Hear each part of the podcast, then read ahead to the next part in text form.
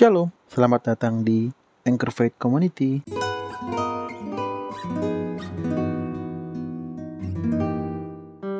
Gimana nih teman-teman kabarnya hari ini?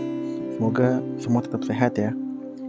Teman-teman, hari ini kembali lagi kita akan bersatu teduh dengan tema yang sangat menarik teman-teman, yaitu memulai lagi.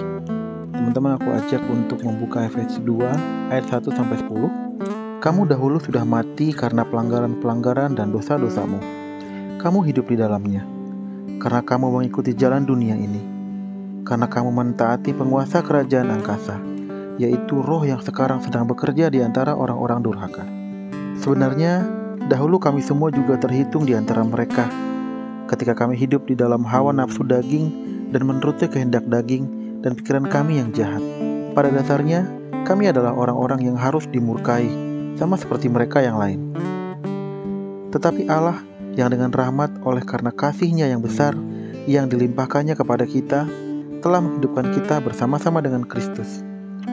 Sekalipun kita telah mati oleh kesalahan-kesalahan kita, oleh kasih karunia kamu diselamatkan dan di dalam Kristus Yesus ia telah membangkitkan kita juga dan memberikan tempat bersama-sama dengan dia di surga. Supaya pada masa yang akan datang, ia menunjukkan kepada kita kekayaan kasih karunia-Nya yang melimpah-limpah sesuai dengan kebaikannya terhadap kita dalam Kristus Yesus. Sebab karena kasih karunia kamu diselamatkan oleh iman. Itu bukan hasil usahamu, tetapi pemberian Allah. Itu bukan hasil pekerjaanmu. Jangan ada yang memegahkan diri. Karena kita ini buatan Allah, diciptakan dalam Kristus Yesus untuk melakukan pekerjaan baik yang dipersiapkan Allah sebelumnya. Ia mau supaya kita hidup di dalamnya. Seorang anak kecil memandang ibunya dan bertanya, "Bu, apakah ibu tahu alasan mengapa Allah menciptakan kita?"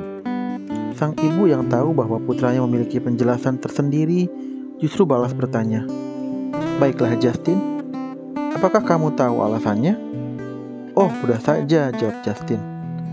Karena manusia yang ada di dalam Alkitab berkelakuan sangat buruk, sehingga Allah ingin memulai lagi dari awal.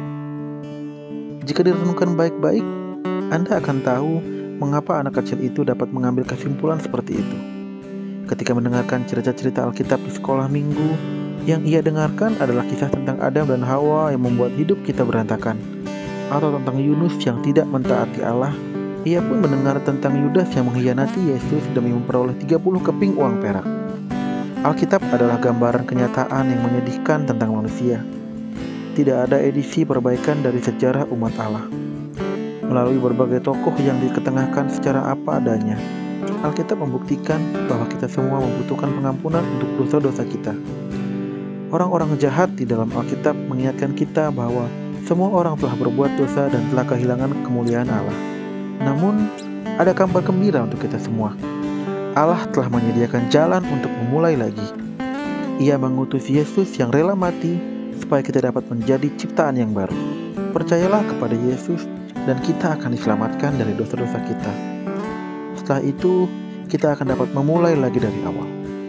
Iya, teman-teman, renungan kita pada hari ini benar-benar jelas banget ya apa yang Tuhan kehendaki untuk terjadi dalam kehidupan kita.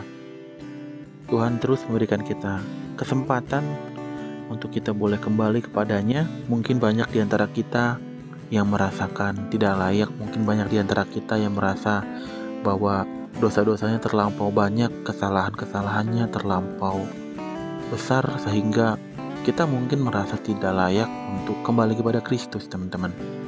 Tapi melalui firman Tuhan kita pada hari ini, kita kembali diingatkan kembali bahwa Tuhan adalah Allah yang Maha Pengasih. Seperti yang ada dalam Roma 3 ayat 23, semua orang telah berbuat dosa dan telah kehilangan kemuliaan Allah. Namun kita harus ingat teman-teman, bahwa ada kabar gembira untuk kita semua. Ya, Tuhan telah mengutus anaknya yang tunggal Tuhan Yesus Kristus untuk datang untuk menebus segala dosa-dosa kita teman-teman.